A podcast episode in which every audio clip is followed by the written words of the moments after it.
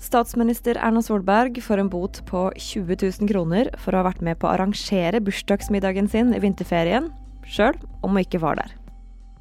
Det her er kort forklart fredag 9. april.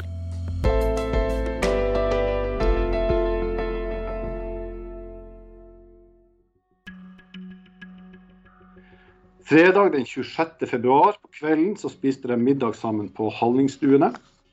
De i vinterferien så var det flere enn ti mennesker i statsministerens familie som spiste middag sammen på restauranten Hallingstuene på Geilo. Og det var et arrangement, mener politiet. Og arrangementer med over ti mennesker var ikke lov i vinterferien.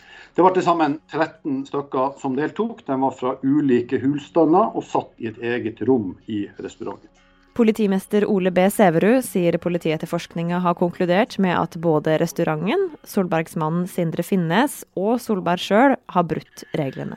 For Sindre Finnes er det som nevnt lagt til grunn at han deltok i å beslutte at middagen fredag skulle gjennomføres, og sjøl utførte de fleste praktiske arrangøroppgavene.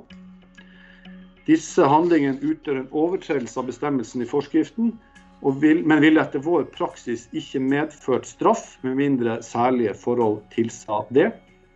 Det foreligger ikke her. Saken er derfor overfor Finnes avgjort med en påtaleunnlatelse.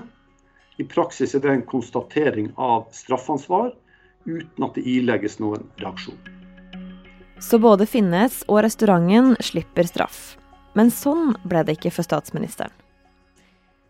Solberg var ikke på restauranten pga. et legebesøk, men var ifølge politiet altså med som arrangør fordi hun bl.a. bestemte hvor de skulle spise, og det er det hun får en bot for. Disse handlingene ville heller ikke normalt medført straff. Som nevnt anses straff tjenlig der det enten er snakk om grove overtredelser, eller der en unnlatelse av å reagere ville kunne ha negative konsekvenser for befolkningens etterlevelse av smitteverntiltak. Solberg er landets fremste tillitsvalgte, og har ved en rekke anledninger fronta regjeringens beslutninger om tiltak for å motvirke pandemien. Det vurderes derfor som riktig å reagere med straff for å opprettholde publikums tillit til smittevernreglene.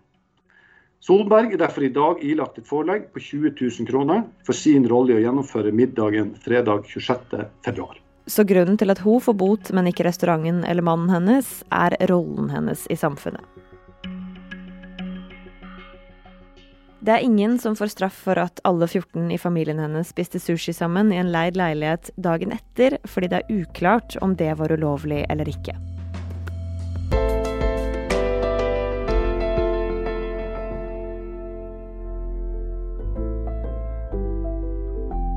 Du har hørt Kort forklart. Jeg heter Anne Lindholm.